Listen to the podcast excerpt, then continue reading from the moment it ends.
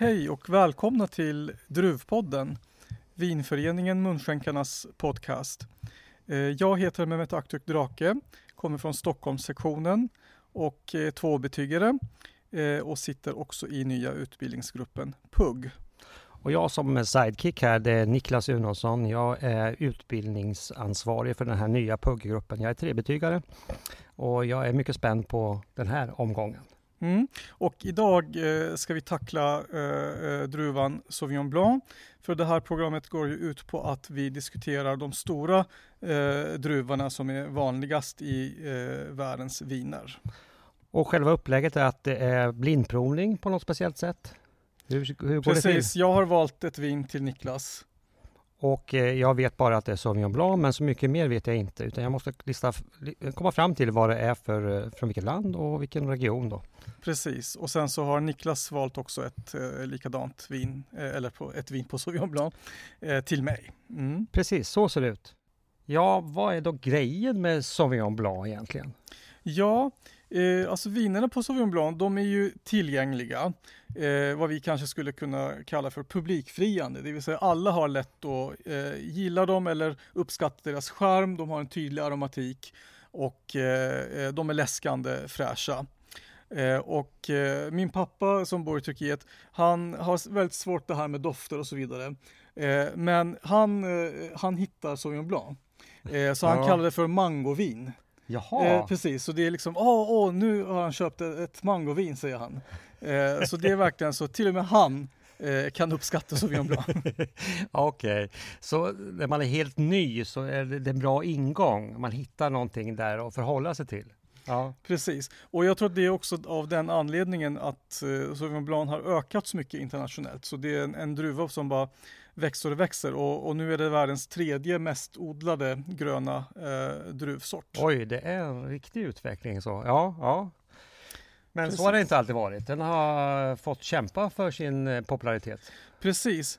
Eh, jag tror att eh, om vi hade gjort ett radioprogram för 50 år sedan mm. om de vanligaste druvsorterna, då hade vi nog inte dra, eh, tag, tagit med Sauvignon Blanc. Nej, nej. För det var inte så på den tiden. Och det är väldigt mycket tack vare den här vågen från och med 90-talet med Nya Zeeland Sauvignon Blanc.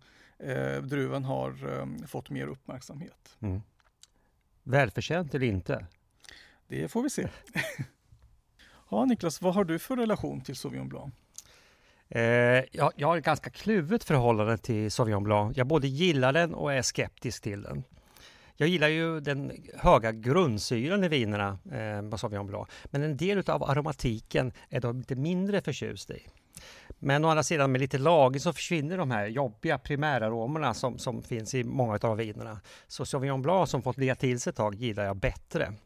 Jag misstänker att du kanske är lite mer, lite mer generellt positiv, eller har jag en... Eh, ja, alltså jag hade, eh, jag började dricka Sauvignon Blanc ganska sent i livet. Eh, för då, i de länder där jag har bott tidigare, där fanns det inte så mycket Sauvignon Blanc. Så det var först i Sverige jag började eh, göra det, sådär närmare 30-årsåldern.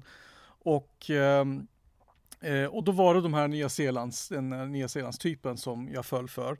Eh, men nu tror jag att jag har gått in i en ny fas i min uppskattning av eh, Sauvignon Blanc. Jag går mer, eh, mer och mer åt lite gamla världen-stilar och så. Mm. Det tycker jag som låter en mycket rimlig inriktning. Ja, jag, I många fall så är inte jag särskilt frankofil, men när det gäller Sauvignon Blanc så gillar jag Frank Frankrike, i det här fallet Loire. Då. Loire, ja. Eh, är det därifrån den kommer? Kommer Sauvignon Blanc ursprungligen från Loire, eller? Ja, det är en av de två teorier som finns som hävdar att den kommer från Loire. Eh, och den andra säger att ja, möjligtvis från Bordeaux. Men mm. det är mellan de två, så det är Frankrike i alla fall. Ja. Eh, och eh, sen är, eh, vet vi också idag med DNA-tekniken att eh, det är, druvan är en korsning mellan Savagnin som är en druva som är vanlig i Jura i östra Frankrike och en okänd eh, druvsort. Och kanske ännu intressantare är att den eh, är syskon med Chenin Blanc mm. från Loire. Och där har de den höga syran eh, gemensamt. Och eh, också förälder till Cabernet Sauvignon. Och det svarta vinbären de har gemensamt. Så det är bären i Cabernet Sauvignon och eh, svarta vinbärsbladen i Sauvignon Blanc.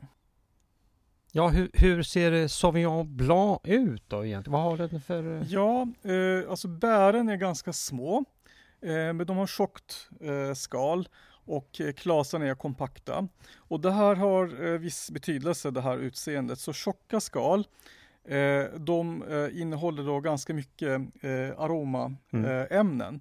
Och det är ett knep som man eh, började med i, i, i Nya Zeeland. Eh, Man kör cold soak, så man låter eh, eh, druvorna macerera innan jäsningen. Mm. Och då extraherar, extraherar man lite mer aromämnen från skalen och det bidrar till den här Nya Zeeland-stilen. Och sen det här med att klasarna är kompakta har också betydelse för då gör den på negativa sidan gör den eh, druvan känslig för sjukdomar eh, som mjöldagg och svampangrepp. Men på, positiva sidan så också för botrytisangrepp som man vill ha i vissa typer av dessertviner där Sauvignon Blanc kan ingå. Sauvignon Blanc är väl en eh, svalklimatsdruva, liksom Riesling, eller har jag fel där? Ja, du har rätt, men ibland kan man läsa i, i visst material att eh, eh, det finns både Sauvignon från varma och kalla klimat. Men det stämmer inte, utan det är, skillnaden är eh, soliga och mindre soliga klimat som dock ska vara svala. För har man Sauvignon Blanc från ett varmt klimat eh, då blir det verkligen oattraktivt. Så jag har en gång druckit eh, ett vin på Sauvignon Blanc i Turkiet, från Turkiet. Eh, och, och, och det var från ett ganska varmt ställe och det var verkligen, då går all den här fräschören, aromatiken förlorad. Jag ska undvika turkisk Sauvignon Blanc alltså. Precis, men nu finns det bättre sorter, tack och lov. Hur är det med Sauvignon Blanc, Sauvignon Blanc och eh, odlingen? Är den lätt att odla eller vad, vad har den för, Ja, för egenskaper? den gäller inte som särskilt eh, svår, för den knop- knoppar sent. Då undviker man vårfrostrisken. Och den mognar också relativt tidigt och då un- undviker man också för mycket höstregn. Så bara man har någorlunda svalt klimat så eh, är man ganska säker. Och den är också ganska okräsen vad gäller eh, jordmån. Så det är olika jordmånar som kan bidra till eh, goda Sauvignon Blanc-viner. Så den, den är ganska lättodlad kan man säga. Och det kanske kan vara en del av förklaringen till att den har blivit så populär kanske? Eller? Precis. Ja, var någonstans i världen så hittar vi eh, Sauvignon Blanc? Ja, vi är inne på att den finns på, på väldigt många olika ställen men jag antar att den har större förekomst på vissa ställen. Ja, alltså den har ju som sagt sin historiska hemvist i, i Frankrike, men den mest druvtypiska eh, stilen är Nya Zeeland-stilen idag. Så den har på sätt och vis tagit över. Så Nya Världen-stilen har tagit över eh, representationen för eh, druvan kan vi säga. Men du gillar nog Loire-stilen? Ja, jag eh, föredrar den här eh, lite stramare stilen. För mig är ju Nya Zeeland, ja, det prototypiska för Nya Zeeland, väldigt tydlig. Mycket av de här gröna tonerna. Och ibland så upplever jag att det blir så pass överdrivet. Och då känns det skönt och tryggt att gå tillbaka till Loire, för där är det sällan så där övertydligt. Ibland så kan det vara svårt eh, att säga att det är en eh, Sauvignon Blanc, för att Mm. mycket av den här aromatiken som man förknippar med Sauvignon Blanc är så pass nedtonad. Precis. Och där är strukturen lite, eh, ja, eh, lite viktigare än själva aromatiken. Ja, då kommer vi in på det här med syra och mineral som, som stark bärare utav, av, eh, av vinet. Så. Precis, och i Loire är det två delar. Så det är eh, östra eh, Loire är nog eh, vanligare, Sancerre, Puy Fumé. Eh, och, men det finns också i mellersta Loire, i Touraine. Och de är lite, för mig är Touraine, eh, Sauvignon Blanc, lite grönare, lite gräsigare. Ehm, och sen är det eh, i Bordeaux, som sagt. Och där finns det såväl eh, oekade eh, Sauvignon Blanc-viner, oftast från eh, området Entre-deux-Mers, Mm. lite mer söderut. Eller ekade eh, i Grave till exempel. Mm. Ehm, och, eh, och där har faktiskt, ehm, i, även i vita Bordeauxviner, där man har en blandning mellan Sauvignon Blanc och eh, Semillon, då har andelen Sauvignon Blanc ökat de senaste decennierna. Mm. Ja, det är väl speglingen av populariteten vad Mm. gäller eh, Sauvignon Blanc. Mm. Eh, sen då, går vi vidare. Vad, vad, vad, vad finns det mer då? Förutom, eller skulle du kanske säga lite, lite mer om Nya Zeeland? Ja, alltså det är ju, eh, jag hörde ett radioprogram nyligen där de sa att det, det var nästan 70 procent av all vinareal på Nya Zeeland är Sauvignon Blanc. Eh, så det är verkligen väldigt stort där. Men man kanske tänker främst på Marlborough som främsta orten. Men sen finns det också eh, Sauvignon Blanc i Chile mm -hmm. och Sydafrika. Eh, och i Sydafrika är det främst eh, svala distriktet Constantia som ligger precis utanför gränsen för eh, Kapstaden. Och sen vad gäller ekade stilar är det eh, efter Bordeaux är det USA. Eh, I Kalifornien pratar man, man har en synonym eh, som är Fumé Blanc. Ja just det, det där känner jag igen. Fumé Blanc, det är väl Mondavi som, som drog igång det en gång i tiden. Mm. Och det är att det är lite rökig karaktär från början, men sen så vad gäller det amerikanska Fumé Blanc så kanske rökigheten inte var så viktig, det var beteckningen som var viktig. Mm, precis. Mm. Jag tror att det var lite grann eh, då Sauvignon Blanc inte var så populär och lite svårare att marknadsföra så kom Mondavi, han är ju duktig på marknadsföring, mm. på det här knepet att ja, vi kallar det för Fumé Blanc och då gick det bättre. Den franska synden säljer. ja. Den franska röken säljer. Ja. Vilka egenskaper har viner på Sauvignon Blanc? Vi har redan varit inne på en del utav men vi ska ta det lite mer systematiskt. Precis, om vi börjar med färgen brukar de vara ganska ljusa i färgen och oftast lite grönskiftande. Eh, och ehm, eh, och så, som du sa och som du uppskattar eh, så har de alltid hög syra. I Eh, om det är eh, lite soligare så kan syran vara snäppet eh, lägre. Eh, och, eh, eh, och sen eh, kan fylligheten, alltså de är ganska lätta eh, överlag. Eh, men fylligheten kan variera mellan låg och medel beroende på lite olika tillverkningsmetoder som vi kan ta upp snart. Eh, och sen också beroende på ehm, eh, klimatet, solexponeringen, kan man ha alkoholgrader som är mellan medel eh, och hög kan man säga. Så det finns en hel del variation men vissa, vissa saker är ändå rätt så konstanta. Den höga syran, ganska eh, låg fyllighet och måttlig alkohol får man väl säga. Mm. Hur är det då med aromatiken här? Det finns ju några sådana här eh, beskrivningar som man lätt kommer ihåg när man har hört beskrivningar av Sauvignon Blanc.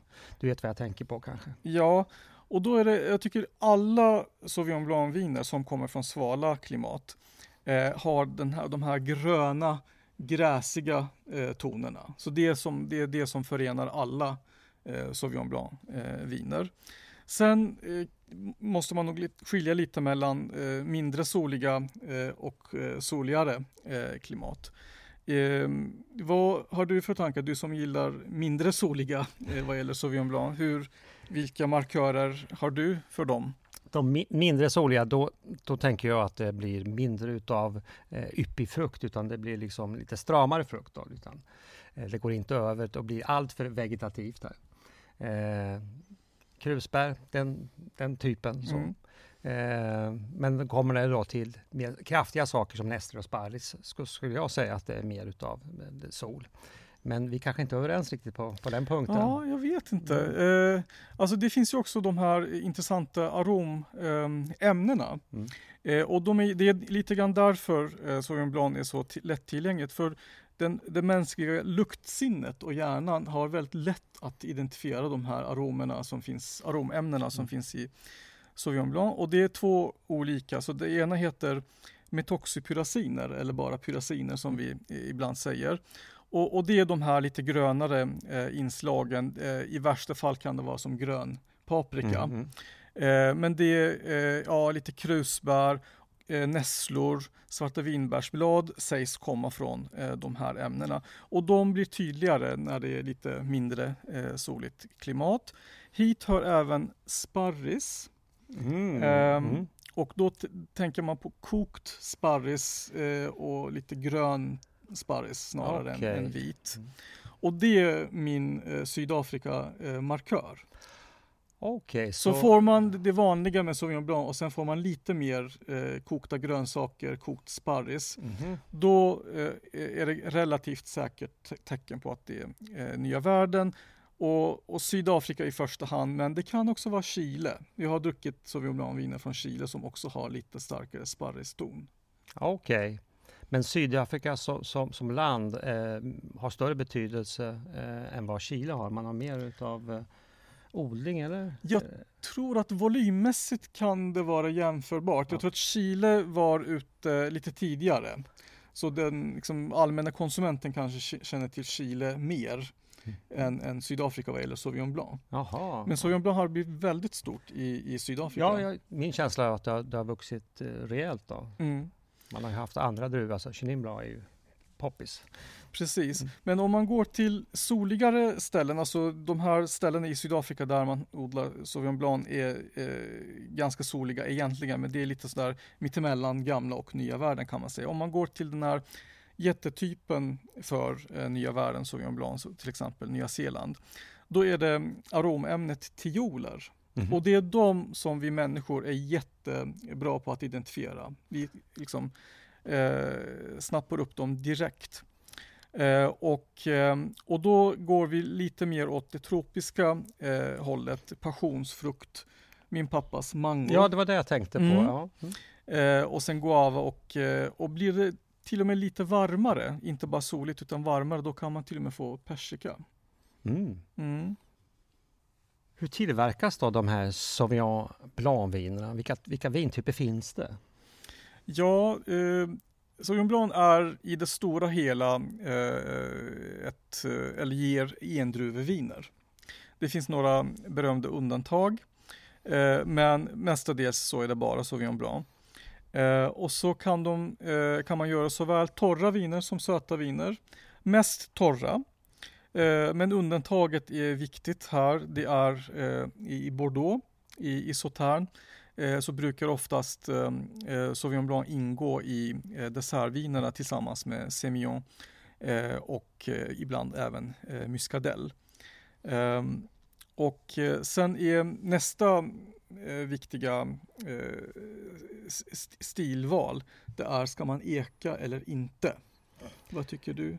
Eh, ja, om man tänker sig, jag tänker ju att det finns ju en väldigt tydlig aromatik redan från början. Och har man ett sminklager redan och lägger på ytterligare ett lager så kan jag tycka att det blir lite för mycket. Eh, så att jag avstår gärna ek. Om det inte är då en nedtonad Sauvignon Blanc och som är försiktigt ekad. Det kan jag uppskatta. Jag har mm. upplevt en och annan sån från Steiermark i, i, eh, i Österrike. Österrike. Ja. Mm. Så att, eh, men i huvudsak tycker jag att eh, den aromatik som eh, Sauvignon Blanc har, den klarar den sig utmärkt på. Mm. Och jag upplever oftast att de ekade Sauvignon Blanc-vinerna från Bordeaux är där eken inte så mycket i förgrunden, så den brukar vara relativt väl mm. eh, balanserad.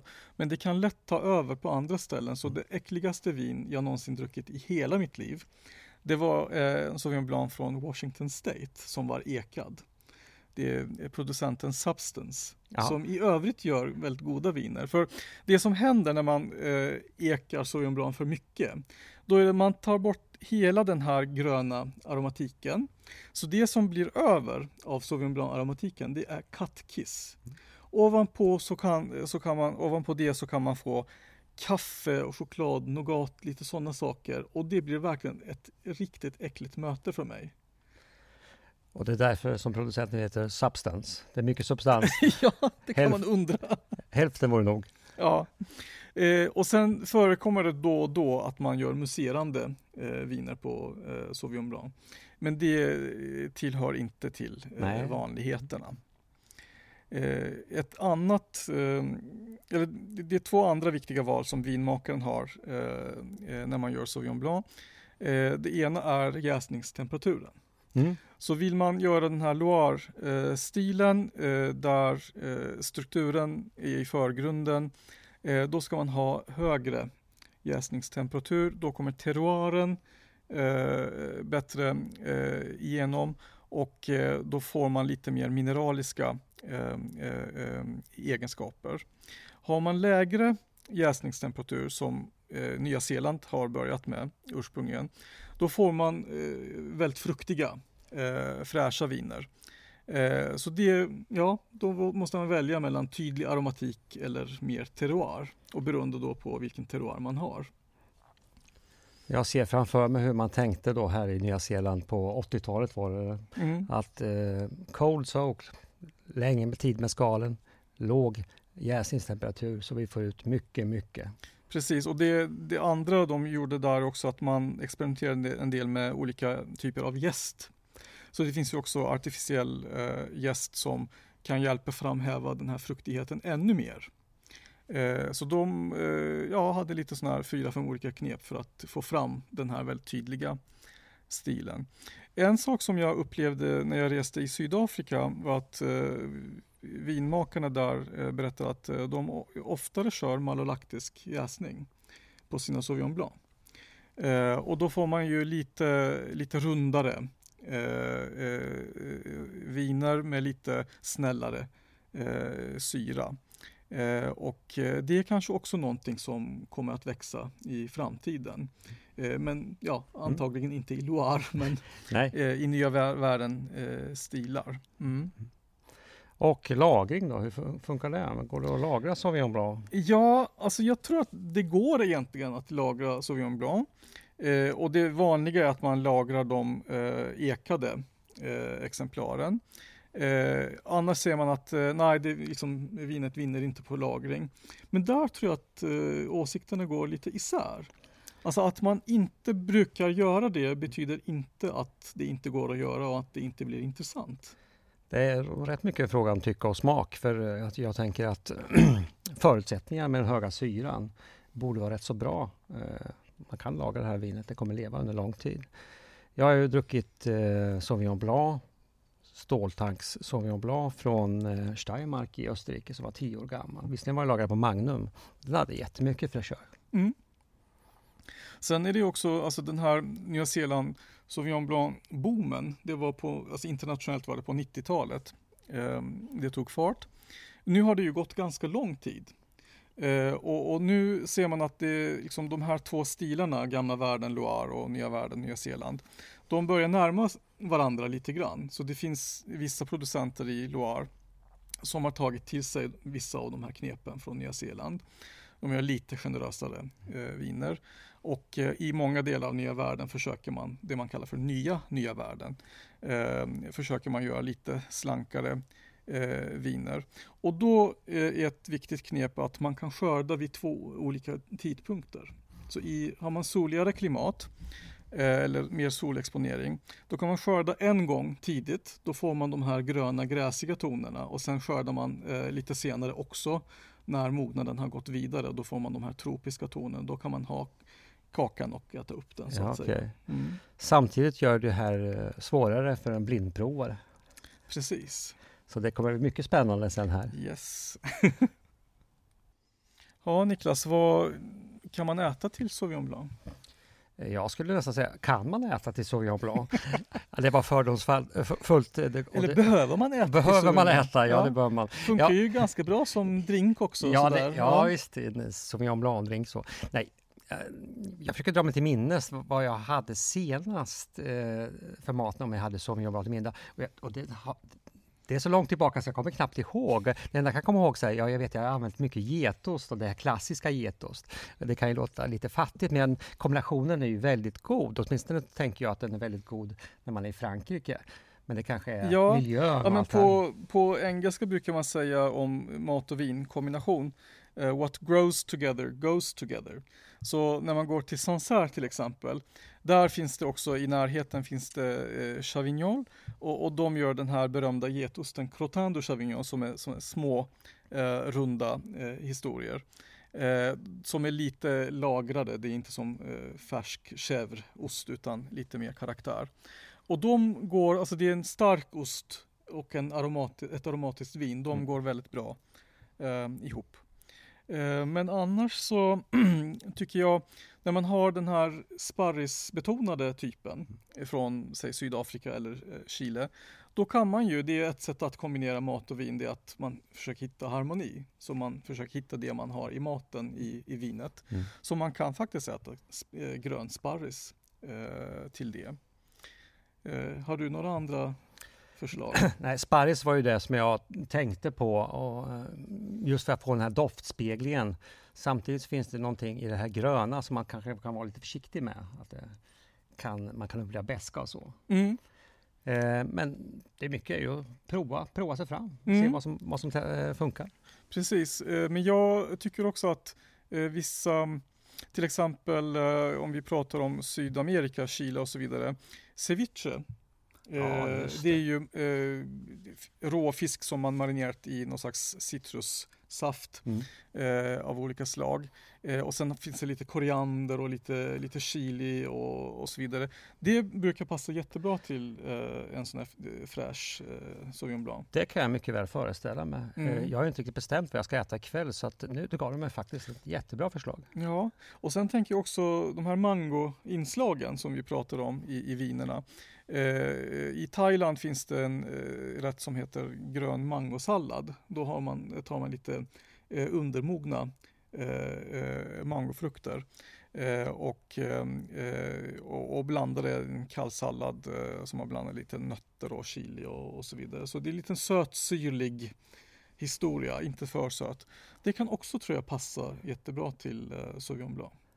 Och jag, direkt kommer jag att tänka på en Riesling med restsötma. Precis, det Mm, kan också mm, funka. ja. Mm. Ja, Niklas, vilka Sauvignon Blanc-viner eh, skulle du rekommendera? Ja, som kanske har framgått här så är jag inte en stor konsument utav Sauvignon Blanc. Eh, men jag funderar lite grann på eh, någonting som eh, är bra, som har varit bra eh, under ganska lång tid. Som jag också har använt i kurser och så, så är det ju eh, Sauvignon Blanc från Loire och Sancerre. En som eh, har funnits med under lång, lång tid är ju eh, Le Baron eh, utav Henri Bourgeois. Och den är, han har ju många viner, bland annat en som är ekad då, som, som är ganska exklusiv. Men jag föredrar den här enklare. Jag är en enkel person som Mm. föredrar enkla viner. Ja. jag, jag tycker att den är, den är lätt aromatisk och har en, en härlig aroma. Alltså, aromatiken är inte överdriven och ja, den har lite mineralisk touch. Det är den stilen som jag tycker om. Mm. Men det brukar man räkna till de Sancerre-viner som har gått lite, lite åt nya världen-hållet. Den har gjort det? Ja, och eh, Henri. Bourgeois har ju också eh, vingårdar på, på Nya Zeeland. Det Eh, kanske så det inte- finns verkligen eh, lite interaktion där. Okej, då kanske jag rekommenderar någonting som, som ligger i det förgångna här. Å andra sidan, jag kanske är mogen för utveckling. Ja, ja. Vad har du för rekommendationer? Ja, jag tänkte om man vill eh, prova en ekad eh, Sauvignon Blanc som ändå är god.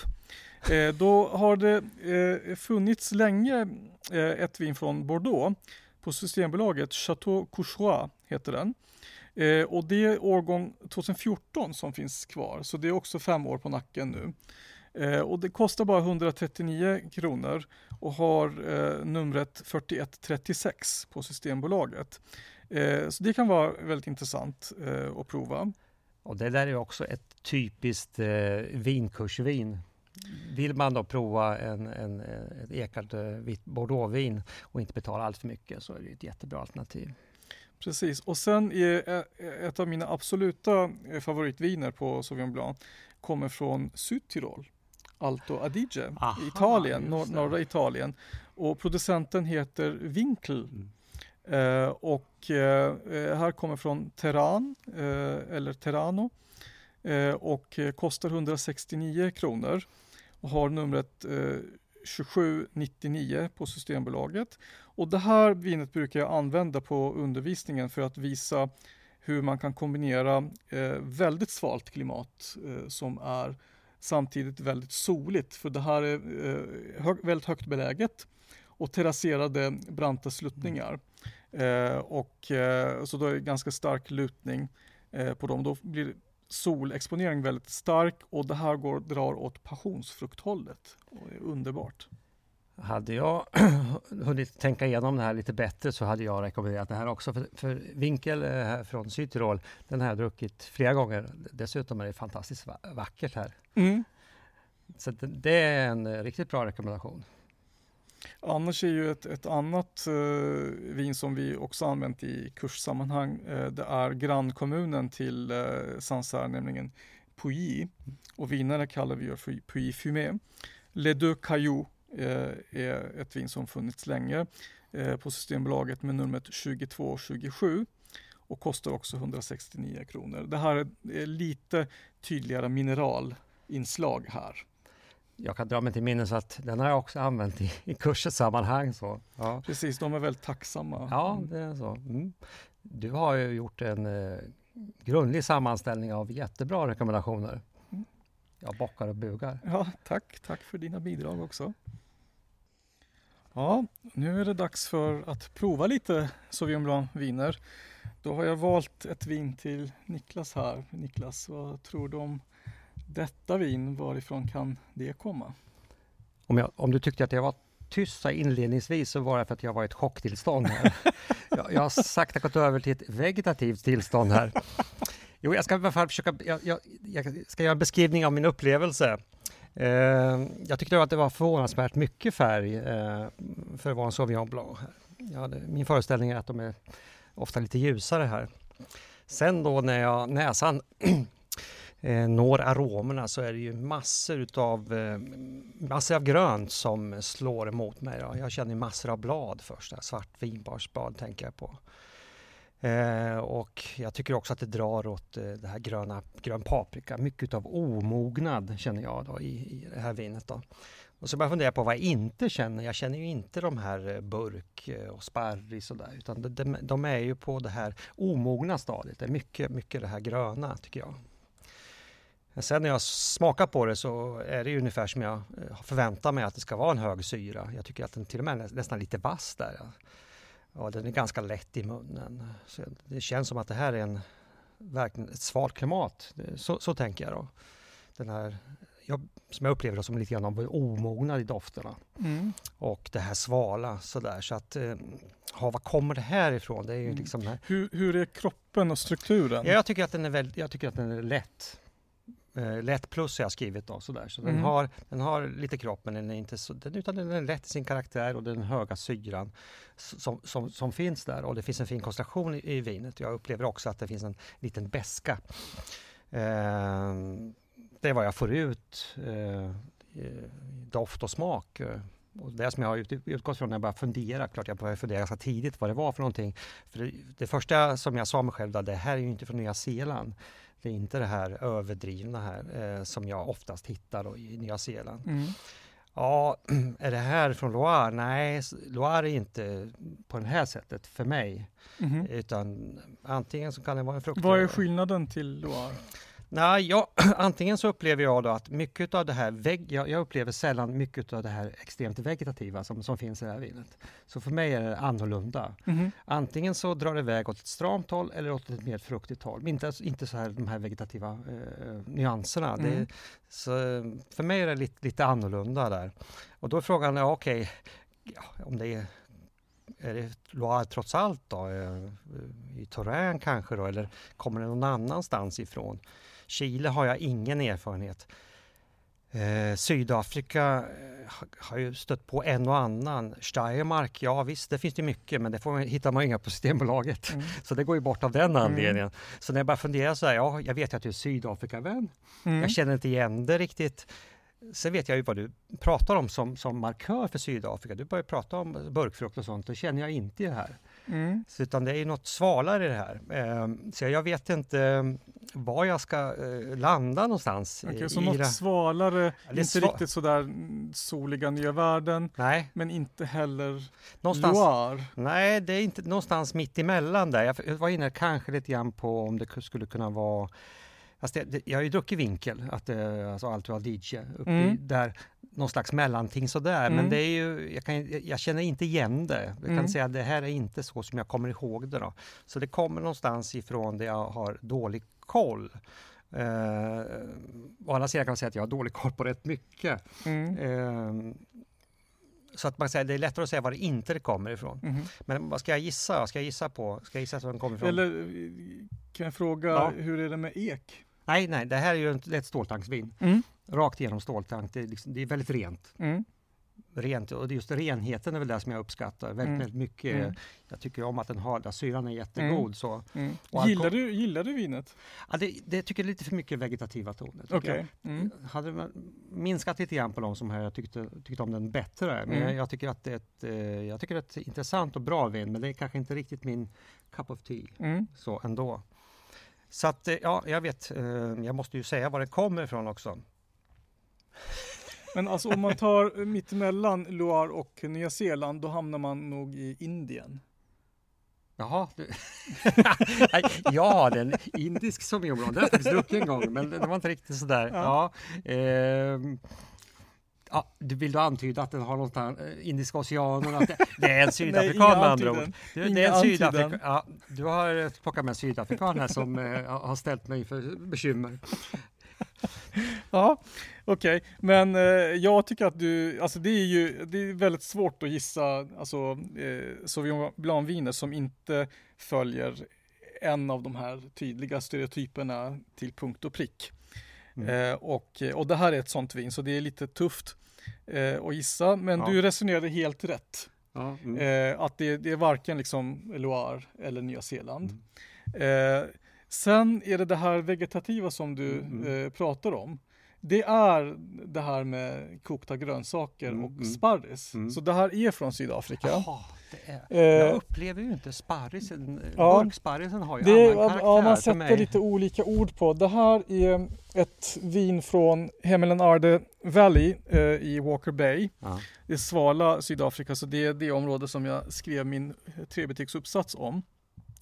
Och ehm, eh, så det här är en, eh, så det, det, producenten heter Bosman. Eh, och vanligtvis, eh, och vinet heter eh, Upper Hemelen Arde Valley Sauvignon Blanc 2017. Eh, och, ehm, och, och Bosman Family Vineyards, den här producenten, Eh, de eh, håller hus egentligen i Wellington, norr om Parl så inte i Hemelen Arde Valley. Men de har börjat med verksamhet i Hemelen Arde Valley eh, för några år sedan. Eh, och det här vinet kostar 129 kronor. Eh, fruktansvärt prisvärt vin tycker jag. Mm. Och Systembolagets nummer är 74 51 eh, 8. Eh, och jag tycker att det här, alltså aromatiken är inte heller min favorit. Eh, det här, jag gillar inte den här, de här sparristonerna, jag vill hellre ha lite annat. Men jag tycker munkänslan, strukturen i vinet Mm. är väldigt, väldigt, väldigt attraktiv. Det var den största behållningen tycker jag Mm. utav det här vinet. Så, så där har vi samma, samma syn på vinet. Precis. Och, eh, och det finns ett annat vin som liknar det här på Systembolaget, det är Southern Right, också från Walker Bay, som jag plågat dig med en gång tidigare och du trodde att det var Loire. Ja. Eh, men det är lite så, det är Sydafrika, när Sydafrika som är som bäst, då är det mellan gamla världen och nya världen på Mm. ett intressant sätt. Mm. Mm. Ja Mehmet, då är det dags för vin nummer två. Då. Det vin som jag har valt. Hur upplever du det vinet? Ja, jag tror att det här blir en lika stor utmaning som vin nummer ett var för dig. För jag, hade jag fått det här helt, helt blint, alltså utan att veta druvsorten, då hade jag inte ens sagt Sauvignon Blanc på det här. Eh, och eh, för jag hittar nästan ingenting av den typiska Sauvignon Blanc eh, aromatiken här. Eh, det enda som jag hittar som eh, eh, rimmar Sauvignon Blanc det är den här pigga syran. Och färgen här är eh, halmgul lite åt det gyllene hållet. Eh, också lite ovanligt för Sauvignon Blanc. De brukar ju vara oftast lite ljusare och lite grön eh, ehm, skiftande och så vidare. Och sen alltså de dofter som jag hittade Eh, alltså det är som sagt en ganska sluten aromatik. Så jag får inte mina vanliga Sauvignon Blanc-vibbar här. Vad jag får istället är en gul fruktighet, kanske gröna, eh, gula äpplen. Eh, och sen en viss eh, krämighet i eh, doften hittade jag. Eh, och, eh, och det gjorde att jag började undra Eh, redan doftmässigt kan det här vara en ekad eh, Sauvignon Blanc. Och det är inte sådär alltså, jättetydliga ekaromer eh, i doften. Och sen var smaken, ja det var eh, medelfyllighet. Eh, också lite gula äpplen i smaken, lite, lite ma eh, mandarin hittade jag, lite eh, citron och så. Eh, och, eh, men det här är verkligen alltså, väldigt långt ifrån all, alla typer av Sauvignon Blanc-viner jag har druckit. Så jag undrar eh, om det här kan vara en ekad Bordeaux med lite också någon procent Semillon. Eh, och eh, ja, jag tror att eh, annars hade jag sagt, och det finns ju inte, hade jag sagt det här är kanske det som inte finns. Eh, Sauvignon Blanc från eh, ett varmt klimat där alla karaktäristika går förlorade. Men ja, så det här var väldigt eh, eh, ja, en typ av Sauvignon Blanc som jag inte eh, är bekant med så, så, att säga. Jag har ju inte provat det här vinet tidigare eh, utan jag gick på en, på en, en gammal kunskap egentligen om, om, om områden. Eh, så vi, Frankrike stämmer. Det är Frankrike, ja, men det är inte någon eka då, utan det är ett ståltanksvin. Då. Det är från 2017 som jag tror är ett ganska varmt år. Jag upplever som du då att det finns mycket av gul frukt och nästan tropisk frukt. Då. Mm. Eh, nästan inte passionsfrukt. Och, eh, alltså, mycket, mycket gulare frukt än eh, jag var, vad jag var beredd på.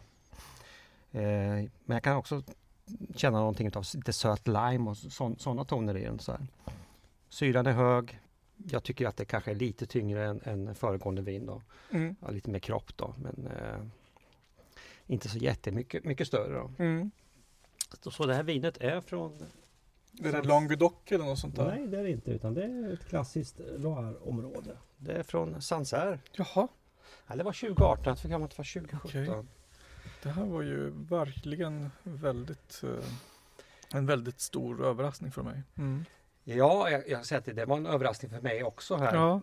Eh, 2018 är det som sagt och det heter Domaine de la Villaudière. Det är ståltanksvin, kostar 179 kronor. Från en producent som heter Reverdy 5338.